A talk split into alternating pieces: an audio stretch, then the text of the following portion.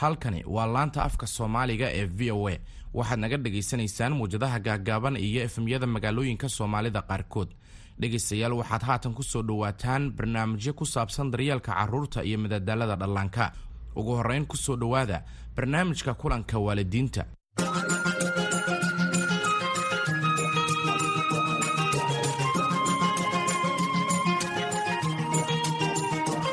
waad salaaman tahay dhegaysta ku soo dhowo mar kale barnaamijka kulanka waalidiinta. Barnaamijkani ayaan waxaan cagta ku saarnaa oo aan dhegaysta kugu siinaa nasiixooyin iyo hababka ugu fudud oo aad waalid ahaan markaasi u siini karto carruurtaada bilowga ugu wanaagsan ee nolosha. Ciyaaraha carruurta ayaa kaalin muhiim ah ka qaata kobaca carruurta kolkay aadka u yaryihiin aad bay muhiim ugu tahay carruurta waayo waxay siisaa fursad ay markaasi ku tusaalaystaan fikrada kana dhigtaa hal abuurayaal wax curin kara. Waxay sidoo kale carruurta ka caawisaa inay bartaan sida wacan ee markaasi looga falceliyo marxaladaha kala duwan ee ka dhasha dareenka miseba shucuurta ay ka qaadi karaan goobaha ay markaasi ku ciyaari hayaan miseba carruurta kale ay markaasi la ciyaari hayaan. Sidoo kale carruurta yaryari waxay baranayaan wax qaybsiga tooka tookada oo markaasi loo ciyaaro. Hogaaminta iyagoo keliya ku ciyaaraya guri dhiskoodii iyo alaabay alaabaydoodii waxay sidoo kale bartaa carruurta wax haliska ee kiisaska iyo isgafka siiba kolkay jirto ciyaar qorsho la'aan ah. Ciyaarta ayaa sidoo kale carruurta u ah almaynteyn oo markaasi dhista jirkooda kana dhigta kuwa caafimaad leh. Hadda xilligani caabuqa korona uu caalamka gelgelay ciyaarta ayaa aad muhiim ugu ah carruurta maadaama ay guryaha ku wada xiran yihiin oo ay bannaanaha ku soo ciyaari karin lana soo ciyaari karin carruurtii kale ee dariska ahayd. Waalid ahaan sideen markaasi u hubsan karnaa carruurteenna inay wakhti ku filan ciyaaraan xitaa haddii marxaladani lagu jiro. Ila janqaad anigoo ah farxaan cali mukhtaar maanta barnaamijkeenna waxaana marti noogu ah saamiya salaam nuur oo ah qoraa wax ka qortay waalidnimada casrigani. Waxaan weydiinaynaa sababta ay markaasi muhiim u tahay in carruurta la siiyo wakhti ay ku ciyaaraan oo ay kaga nastaan iskoolka iyo shaqada guryaha. Sideena loo samayni karaa taasi hadda maadaama bannaanka loo bixi karin. Kulanka waalidiinta waxaa laga dhagaystaa kenya soomaaliya iyo etoobiya oo waxaan rabnaa inaan maqalno afkaartaada dhegayste laga yaabaa inaad leedahay su'aal ku saabsan waalidnimada oo aad jeclaan lahayd mid ka mid ah khubaradeena inuu ka jawaabo ama laga yaabee inaad haysid nasiixooyin caawin kara waalidiinta kale. Xusuusnaaw kani waa barnaamijka kulanka waalidiinta ee adiga lagugu talagalay sidaas darteed hubso inaad nagala soo xiriirto facebook ee kulanka waalidiinta. Ama noogu soo dir fariintaada whatsapp lambarkayagana waa plus laba shan afar toddoba saddex labo eber saddex labo toddoba saddex sagaal. Waan kaaga fadhinaa afkaartaada. Hayloobin waxaa inoo xigaa barnaamijka seseme sheeko sheeko la soco si aad u dhagaysato barnaamij kale oo xiise iyo xamaasad xambaarsan adiga iyo carruurtaada maanta barnaamijka seseme sheeko sheeko waxaa ka mid ah waxyaabaha ay carruurta ku maqli doonaan. Gool! Waa dhaliyey ha waan dhaliyey dhaliyey hagaag barnaamij aad u xiiso badan dabcan. Waa tahay ka hor intaanan wax ka weydiinin saamiya salaam nuur barnaamijkeena maanta aan wada dhagaysano sida ay markaasi uga falceliyeen waalidiinta qaar ee bariga afrika oo aan weydiinay iyaga inay doorbidaan in carruurta ay guryaha ku reebaan oo ay guryaha ku ciyaaraan mise inay markaasi ka jecel yihiin in carruurta ay bannaanka u fasaxaan si ay carruurta kale ee xaafadda ay ula soo ciyaaraan. Waana kuwan qaar ka mid ah jawaabahooda. Waan jeclahay inay bannaanka ku soo ciyaaraan oo ay carruurta kale la soo ciyaaraan si ay u bartaan wada noolaashada dadka kale. Ama waxaa jiraan sida cunuga markuu afbaranayo oo kale haddii aad bannaanka u fasaaxdid oo ula soo ciyaaro ilmaha kale si yar ayuu ku bartaa afka hooyo. Waxa aan jeclahay aniga ubadkeyga in uu guriga dhexdiisa iigu cayaaro uusan bannaankayga aadin si uusan iiga baran waxyaabaha xunxun. Waxaan jecelahay caruurteeda inay banaanka iyo aadaan ay ku ciyaaraan. Sababtana waxaa weeye carruurta waxay helayaan hawo iyo experience sababtoo ah dadka ay la kulmayaan ay waxay kala kulmi karaan dhaqamo iyo caadooyin aysan weli gurigooda ku arag. Waxaa laga yaabaa waxyaabo farxad geliya inay banaanka ku arkaan waxyaabo ay ka naxaan ama ka xanaajiyo. Mararka qaar waana wax loo baahan yahay sababtoo ah carruurta maskaxdooda ayaa saas ku korayso waa tahay. Halkaasaan kaga soo laabanna waalidiintaas iyo afkaartooda. Saamiya salaam nuur ku soo dhawo barnaamijkeena. Dabcan waalidiin badan waxay jecel yihiin carruurta inay guryaha ku ciyaaraan xitaa kolka uu jirin corona taasi diyaar miya oo masaxba. Waa mahadsantaha mar kaleeto farxaan? Caruurta horta waalidiinta waxaan isdhihi lahaa hal mar inay ka fakeraan markii aad yarayd haddii guriga lagugu celin lahaa afar labaatankii saacba oo lagu ogolaan lahay inaad banaan ku soo ciyaartid.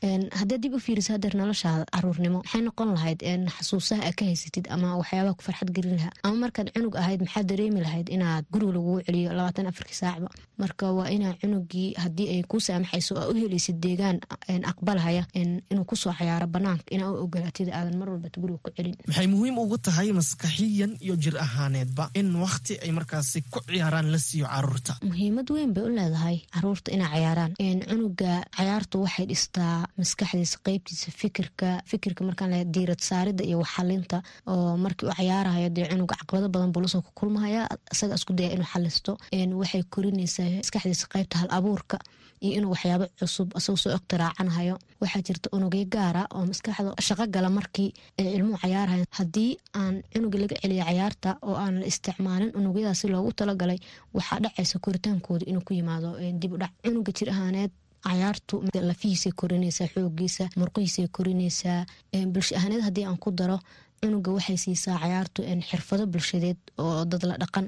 Marka cayaartu waa wax aada ugu muhiima ciyaalka noloshooda. Caruurteena dhexdood siiba kuwa ku nool magaalooyinka. Waxaa dhacdaa marar qaar inay dibadda u baxaan si ay ula soo ciyaaraan carruur kale balse waxay maqnaadaan maalinkii oo dhan. Mise wakhti badan ayay banaanka ku maqnaadaan. Su'aasha ayaa ah wakhti intee dhan ayaa ku haboon carruurta in la siiyo si ay markaasi banaanaha ugu soo ciyaaraan. Ilmaha horta haddii aysan wax kale jiri lahayn ama aan waxbarasho sugayn ama ay cunta sugayn ama hurda sugayn ayaga wax dhiba kuma aha inay ugu yaraan xitaa ay toban saacadood banaan ku qaataan. Laakiin sida la isku wada raacsan yahay ee ah ma lagu maareyn karo nolosha ilmahana? Waxay ku qiyaasaan afar saacadood ilaa lix saacadood inay cunuga uu banaanka u heli karo waqti uu ku cayaaro waxayna noqonaysaa taasi inay waalidku ayagu ay waqtigaas ay u go'aamiyaan siday waalidiinta isugu dheelitiri karaan howlaha kale ee carruurta sida camal waxbarashada miseba ka shaqaynta casharada ee guryaha homewaga loo yaqaano iyo ciyaaraha. Markaas sidee laiskugu dheelitiri karaa ilmaha haddii ayagu lagu fasaxo labaatan afar saacadood waxay rabaan iska cayaaraan laakiin waalidkay mas'uuliyadooda tahay inay xakameeyaan mid u horeysa waxay tahay cunugaaga inaad baratid waayo ciyaal waxaa jira iskuulka marka ka yimaadaan enerjigii leh oo rabaan inay hore ka sii cayaaraan. Iyo ciyaal waxaa jira daalan oo ayagana raba inay iska nastaan. Marka mid u horeysa cunugaaga inay baratid midda labaad waxay tahay inaad u samaysid jadwal oo cunuga isla go'aansateen waqtigan waa waqtiga cayaar waqtigan waa waqtiga homewaga oo cunugii uusan aysan iskaga dhex qasnayn noloshii. Midda kale waxay noqonaysaa in cunuga aad adigu aa u kala fogeysid cunugii meelaha wax ku barto iyo meesha ku cayaaray si aysan maskaxdiisa u mashquulin. Ciyaaro noocee ah ayaa u wanaagsan ubadka da-doodu ay markaasi u dhexayso saddex ilaa iyo sideed sana. Marka sidayna u kobcisaa carruurta. Caruurta horta kuwa saddex jira badanaaba waxay la sii mid yihiin ilaa ay kuwa yaryarka oo ayaga ka sii yaryar. Inta badanna waxay jecel yihiin marka guriga lagu jiro horta ayaga badanaaba cayaartooda guriga dhexisay ku saabsantah oo markaan alaabalaabed loosoo gado kalaradoo kaleeto meelaha yar wax lagu qorqoro or guriga dhexdiisa waxyaabahaas bay tahay cayaartooda ugu muhiimsan oo mudan inaan laga celin cayaarahan yararka dhudhumashowga xitaa guriga lagu dhex cayaaro kaleto way jecel yihiin markii saddex iyo intaa loosoo dhaafo shan ilaa sideed iyana waa marka aan dhihi karno xilligay ugu cayaar jecel yihiin weye oo maxay ahayd waana markay yaqaanaan oo fiican yihiin oo iskontarooli karaan ay haalisaha iska ilaalin karaan. Marka haddii guriga dhexdiisa la yiraahdo sidoo kalete caruurtaas way fiicantaha in loo keeno qofka du awoodo alaabalaabey badan sida gabadha gabdhaha in loosoo gado kale bombalayaasha yarkaa gabdhaha taasoo ilmaha yarkaa barta gabadha yartaa baraysa sida wax loo xanaaneeya naxariistii waxyaabahaas wiilashoo kaleeto ayagana haddii ay gaarayaasha waxyaabahaas jecelyihin in loo keenaa sidoo kaleeto cayaaraha kale banaanka ahee dee orodka legdanka legdan hadda soomaalida ma cayaaraan ilmahoodii. Cayaaro badan badan badan oo waxaa jira laakiin anu ma aaminsani cayaar weyn oo halisa maahan inay mid ilmaha shan ilaa sideed jirta mid ka maysa inay jirto. Siday waalidiinta qayb uga noqoni karaan ciyaaraha ubadkooda waalidiinta si ula cayaari karaan soo maha horta ilmuhu inta badan waxay ka doorbidaan inuu waalid la cayaaro waxay ka doorbidaan ilmo ficooda in la cayaaro laakiin haddana waa muhiim inuu waalidku ilmaha cayaartooda ka qayb galo taasoo kordhinaysa xiriirka waalidka iyo ilmaha. Laakiin waxaan waalidiinta ku haboon marka ilmaha la cayaarhayaan in aad marka u horeysa ilmaha da-doodao kaleeta iska matashid oo aad u ogolaato ilmaha yare xitaa marmarka qaar inuu kaa guuleysan karo marmarka qaar cayaarta fikradeed inuu asagu keeni karo inuu marmarka qaar sidii ula cayaarti suu raba ula cayaarto ula boodboodo ula oradid marka kaleeta waxay tahay in waalidku aysan noqonin kuwo macnaha oo saaid u kontaroolaya cunuga cayaartiisa oo ah. Jooji celi qabo ah aysan dhahayn. Ilmo waxay jecelyihiin in ayagu ay inta ugu badan marka cayaarta yihiin ay mas'uuliyad ugu badan ayagu qaadaan. Marka waalidka saasan kula talin lahaa. Waalidiin qaar ayaa doorbidi karaa inay caruurtooda guryaha ku reebaan iyagoo ku andacoonaya dhibaatada hadda jirta. Waa runtaasi oo way dhici kartaa waana muhiim. Balse maxay samayni karaan si ay carruurta u helaan wakhti ku filan oo ay markaasi ku ciyaaraan iyagoo taxadarkii iyo feejignaantii ee baayicin ee markaasi muujinaya. Way jirtaa hadda oo waayo sidii waaga horeto noloshu ma ahan. Dal iyo dibadba waaga horeto way ka halis badan tahay. Oo banaankii waxaa iska jirta maxay ahayday dhibaatooyin badan oo ilmihii la qaadanayo la xadhayo waxyaabo badan oo ku dhici kara cunugii ciyaalo badan oo aan dhaqan fiicnayn oo banaanka joogo ilmi islaada oo kaa duubsanayaan. Marka laakiin mid kale ayadana waxaa jirta cabsi ka badbadisa oo waalidka qaarkiis ay aaminsan yihiin oo ku jirta oo aan run ahayn xaqiiqo ahayn. Marka horeysa marka ilma dhashid guriga aad degaysid ilmahaaga dartiis waa loo doortaa. Tusaale ahaan oo kaleto dabaqa isli ka degaysid haddaa ku dooratay inay toban cidooda istaqanin ay degan yihiin taas waxay kuu fududaynaysaa ilmaha inay helaan space ay ku cayaaraan hadday hoos dhulka u degaan ama hadday xaafad kale ku soo wada cayaaraan haddii aad awooda awoodeeda leedahay xaafad kale wanaagsan oo u degi karta ilmahaagu ay meel weyne ama beer ama waxyaalahaas ku soo cayaari karaan oo aan la dhibaateyneyn way jiri kartaa. Sidoo kaleeto caruurtaada markay soo cayaarahayaan u ogolo inay soo cayaaraan banaankii laakiin haddii ammaankooda u baqaysid dabagaloo kaleo meel u fariisoo kale kor ka fiirsatid oo kaleeto ama inaad ilmo ka weyn oo aad isleeda mas'uuliyaddi way qaadi karaan. Aad xilkaa saartid laakiin ma ahan marnabo inaa ilmaha adoo u baqayo seefitigooda darteed inta ku marmarsiy oo tidaa guriga labaatan afarka saacba ku haysid cunug. Hagaag haatana dhankaas iyo su'aalaha iyo falcelinta dhegeystayaasha naga soo gaaray ee dhammaan gobollada dhegeystaani waxa uu leeyahay halka aan deganahay maba jirto meel ay markaas carruurta ku ciyaaraan. Marka maxaan samayni karaa si ay fursad ay ku ciyaaraan caruurtayda u helaan. Waxaa u malaysaa marmarka qaar waalidku inay marmarsiya ka dhigtaan ayagoo aan xitaa xaqiijin inuu cunuga helahayo goob uu ku cayaari karo. Taasoona ay sababi karto waxyaabo badanoo ka mid ah cabsidii ammaankiisa u cabsanahayeen. Laakiin ma jirto dee meelaan lahayn meel ilmuhu ku cayaari karaan. Cayaaraha dhulka banaankan ee guriga agtiisa lagu cayaaraya aan aan halista badnayn oo kaleeta aadan ka celin. Waxaan is leeyahay gabadhaas waxaan oran karaa aniga haddii ay xal raadiso ay ilmaheeda ku cayaaraan ayna ku baraarugto cayaartu inay muhiim u tahay way cigaal oo jooga nairobi waxa uu leeyahay mar walba waxaa waswaas iyaga qabtaa markaan carruurta dibadda u diro si ay u soo ciyaaraan. Marka taasi darteed fursad keliya waxaan u siiyaa inay ku soo ciyaaraan markay dugsiga iyo howlahooda kale ay ku maqan yihiin iskoolka.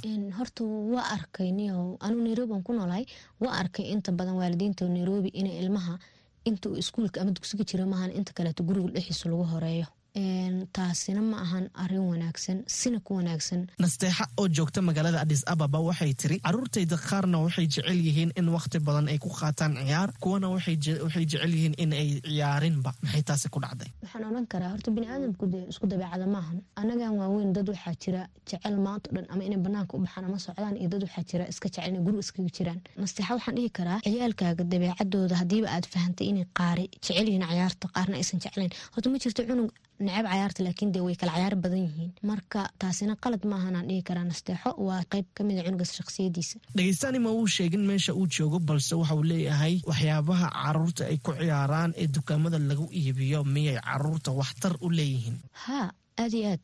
Waayo dee weligood ba ciyaalku alaabalaabiyadu waa jeclaayeen. Xitaa markii soomaaliya iyo baadiyaha la joogo oo aan jaanis loo heli jirin inaa alaabahan casriga hadda la helo la helo. Waxay isticmaali jireen waxyaabo yaryaroo ilmuhu ayagu iska sasamaystaan baskooladaha iyo xabadaha iyo waxyaabaha halista oo ilmaha u gadaan oo ay cayaarta uga dhigahayaan inay uga doorbidaan kuwa kaleetoon halista u geeneyn ee ay u gadaan kuwaas. Si wanaagsan dhegaysta waanaga intaasi inaga maanta balse halkani kuway kaa dhagaystay waayo siseme sheeko sheeko ayaa hadda inoo xigta barnaamijkan waad ku mahadsan tahay saamiya salaan nuur ka soo qaybgalka barnaamijkeena maanta. Adiguna dhegayste waad ku mahadsantahay laajaanqaadkaaga iyo su'aalahaagaba intaanan hawada ka bixin waa tan eedo ebyan iyo xikmadeeda maanta. Xikmadda maanta soomaalidu waxay tidhaahdaa maskax fariid ah lahow ama fadhi aan daalin lahow. Si carruurta maskaxdooda loo kobciyo waxaa muhiim ah in mar waliba aanay waxbarashada oo keliya ku howlanaanin waayo sidaa kuma noqonayaan fariid. Waxaa muhiim ah in wakhti la siiyo carruurta ay ku ciyaaraan oo ay mararka qaar ka nastaan waxbarashada iyo howlaha guriga. Taasi ayaa maskaxdooda dhisaysa. Waayo ciyaartu waxa ay dhistaa si wanaagsan toddobaadka soo socda waxaan yeelan doonnaa barnaamij kale oo xiise leh ee kulanka waalidiinta oo aan uga hadli doonno muhiimadda ay markaasi leedahay inaad u noqoto carruurtaada tusaale wanaagsan. Waxaan rabnaa inaan maqalno afkaartaada adiga dhegayste. Maxaad rabtaa carruurtaada inay kaa bartaan adiga shakhsiyan? Maxaad samaysaa si aad u hubsato inay kaa bartaan taasi? Fadlan nagala soo xiriir nambarkeenna watsap ee blas laba afar toddoba saddex labo eber saddex labo toddoba saddex sagaal. Sidoo kale barteena facebook ee kulanka waalidiinta oo halkaas inoogu reeb fariintaada. Ilaa iyo kulanti dambe oo xiise leh macsalaam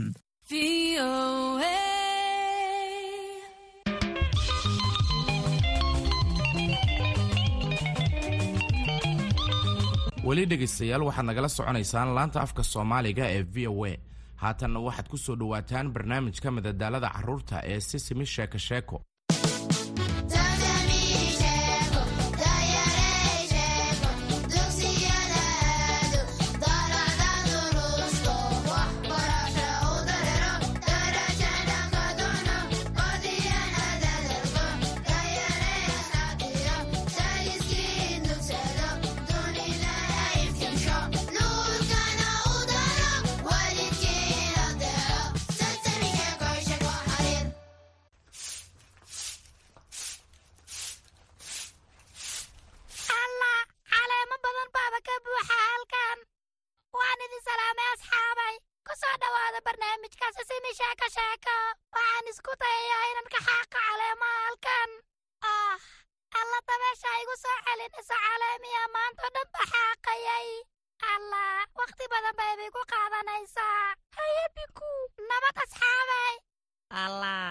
sidaad u xaaqda caleemihii oo dhan haa shaqo waxan biku waad mahadsan tahay waa shaqo adag runtii caleyntii aan xaaqaba dabeesha igu soo celinaysaa lalla maanta malayn ma inay dabaysha kula jirto biku balse waxaan isku dayaynaa inaynu ku caawino. Si dabeesha qashinka aysan mar labaad u soo celin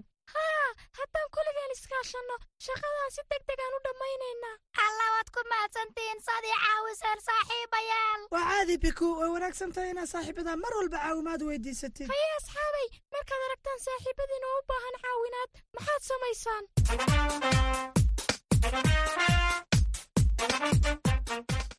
Waxay caawimaadka u baahan yihiin baan u caawiya ka caawiya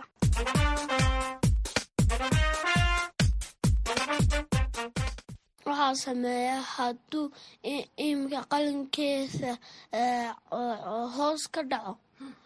Ikan hadduu ikaraado waa u keeni kara.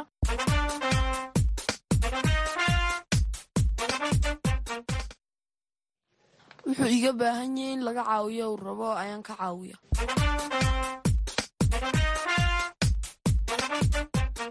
waa caawiya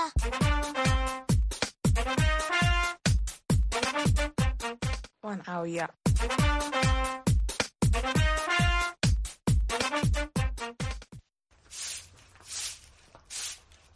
waad mahadsantihiin dhammaantiin shaqada way inoo fududaatay iskaashigu hawsha wuu fududeeyaa waana wax maada. Haddaba ma garanaysaan wax kale oo ka dhiga maad in la wada shaqeeyo ama fududeeya. Waa hees! Alla waa fikrad fiican. Haddaba aan heesno si aan si dhaqsale ugu xaaqno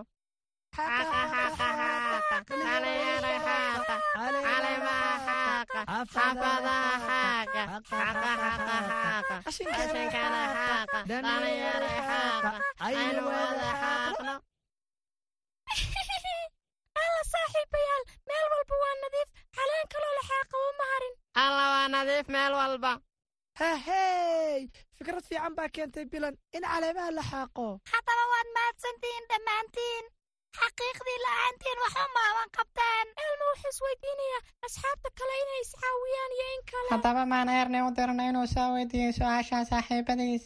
Waa fikrad fiican beertayaalma waa erniya markiisii haddana waxaa soo ogaanaya in carruurta kale ay iska kaashadaan ama ay iska caawiyaan shaqada. Waa idin salaamay. Waxaan maanta uga jeedaa halkan qoysas aad u fara badan. Waxaana weydiin doonaa su'aashaydii waa idin salaamay waxaana erni oo ka socda sisimi sheeka sheeko. Waan ku salaamay erni magacaygu waa ruqiya waan kaa qaaday erni magacaygu waa nuuradiin ruqiyana waa walaashay. Aabbo bilaanna waa kan. Allah si wanaagsan. Aad ayaan ugu faraxsanahay. La kulankaaga adeer sidoo kale erni dhammaantiin waan ku faraxsanahay inaan idinla kulmo. Waxaan idin weydiinayaa su'aal. Weligaa ma caawisay qof saaxiibkaaya? Haddaad caawisayse sidee u caawisay? Haye ma ii sheegi kartaa ruqiyo haa waan caawiyey erni saaxiibtay geedkooga. Midhihii ku yaallay oo dhan baa soo daatay. Waxaynay weydiisatay inaan caawiyo oo aan la guro midhaha waana la guray oo waxay i siisay midho wah wah midhahaas dabcan aad ayay u macaanaayeen. Haye adiguna nuuradiin haa aniguna waan caawiyaa saaxiibbaday maalin baan waxaan arkay saaxiibbadayo waraabinaya geedo. Anigiyo aabbaha iyo walaalahayba geedihii baan la waraabinay. Maadna way ahayd fariid shaqo wacan. Aniguba maalin ayaan waraabiyey beerta gurigayaga haye adiguna adeer. Waxaa jira meel xaafadeenna ku taala oo ay carruurtu ku ciyaarto. Laakiin dhulku waxaa ku jira dhagxaan badan iyo qoryo yaryar. Sidaa daraaddeed carruurtu si nabada uma ciyaari karto.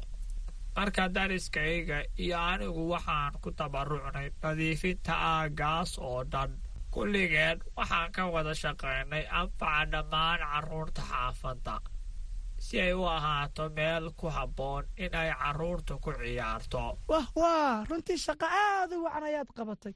Haddaba hadda runtii waxaan u imi inaan caawiyo saaxiibaday waan u soo raadiyo jawaabta su'aashoodii. Waanad ku mahadsantihin runtii maanta inaad caawiseen.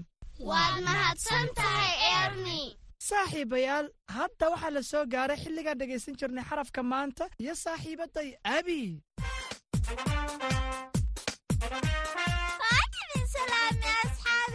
ah iyo barnaamijkeenni xarfaha ee sida sheeka sheeka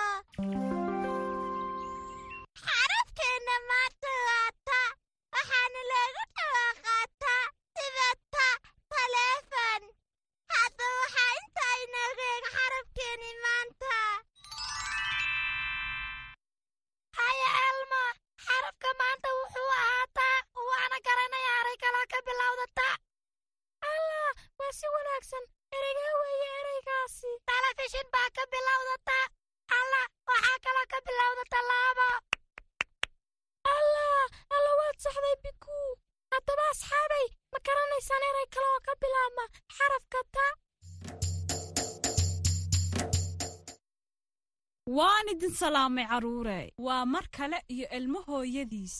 Maanta waxaan inii hayaa hees aad u macaan. Waxayna ka hadlaysaa iscaawinta. Haddaan aragno qof dhibaataysan oo aan xallin karin dhibaatooyinka haysta waa in aynu weyddiinnaa inay caawimo u baahan yihiin. Waa inaynu caawinnaa si kasta u caawin karno waan ku faraxsanahay inaan caawiyo inaan caawiyo. Waanan salaamay asxaabay. Waa mar kale ee ciyaartii beert haddaba ku soo dhowaada ciyaartii barqaad haddaba ciyaarteena maanta waa qiyaas waxaan soo gatay. Allaad baanu jeclahay ciyaartan. Shalay aabbahe ayaa suuqaya ka haye waxauna ii soo gaday waxyaabo kala duwan. Haddaba waxaan sharaxayaa wixii la ii soo gaday idinkana waxaa idinka rabaa inaad sheegtaan. Haye diyaar ma tihiin?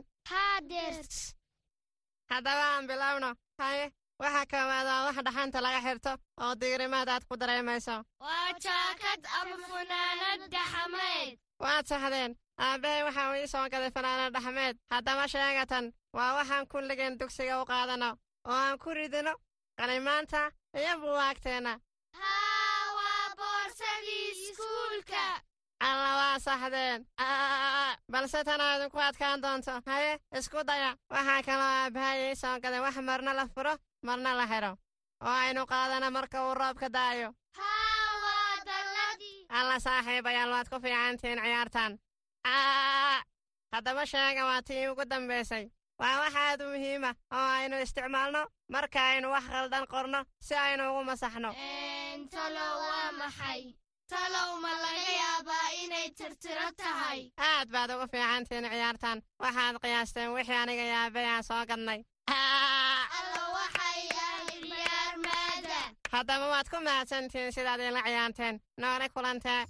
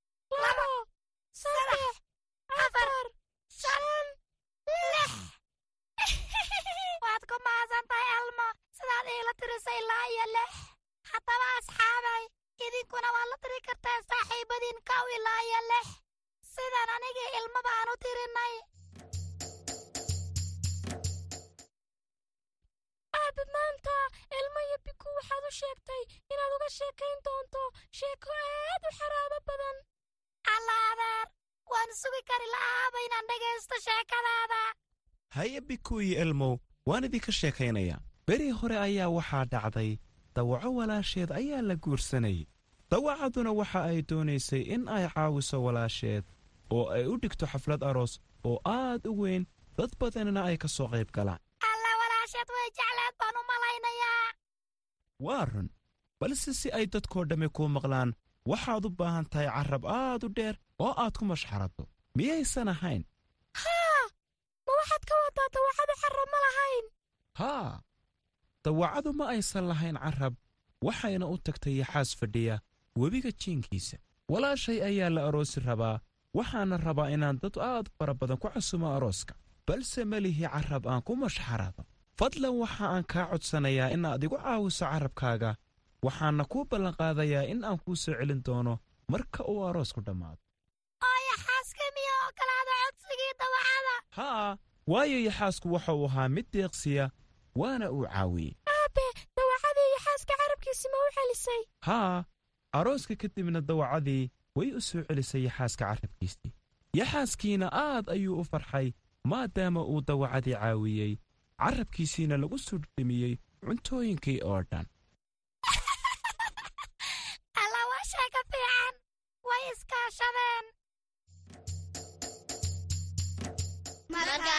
isla shaqaynayno way fududahay oo xiso badan tahay waan iskaashanayna waan iscaawinayna marka shaqo badan jirto howluhu way fududaadaan marka la isla shaqeeyo mar walbiyo mar kasta waan iscaawinayna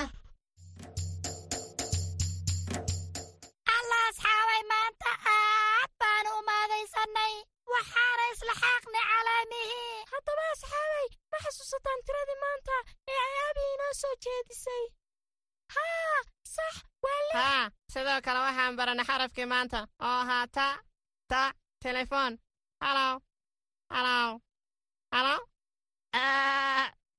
waad ku mahadsantihiin sida quruxda badan eed noogala qayb qaadateen barnaamijkeenna isisimi sheeko sheeko haddaba nooli kulantee naseexada maanta waalidiinta qaaliga ah carruurtu wax ayay iska baran karaan. Marka ay isla wada shaqaynayaan waa hab fiican oo ay ku wanaajin karaan xirfadahooda. Si aad oga caawiso cunugaaga inuu barto wada shaqaynta iyo inuu fahmo faa'iidada caawinta dadka kale carruurtaada ka qaybgeli howlaha inta kartidooda ah iyo xiisahooda ah. Si ay markaas ay u fahmaan in arrimuhu ay fududaadaan marka si wada jir ah loo sameeyo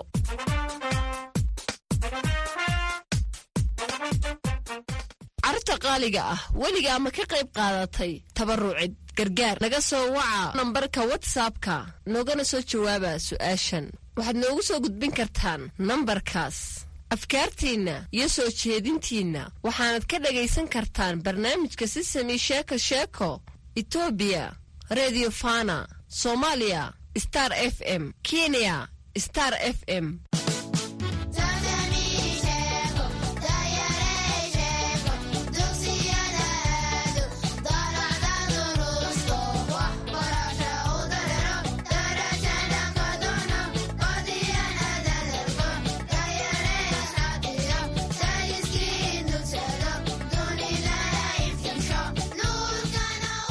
intaasina dhegaystayaal. Waxaa ku dhan barnaamijyadii kulanka waalidiinta iyo si sami sheeko sheeko.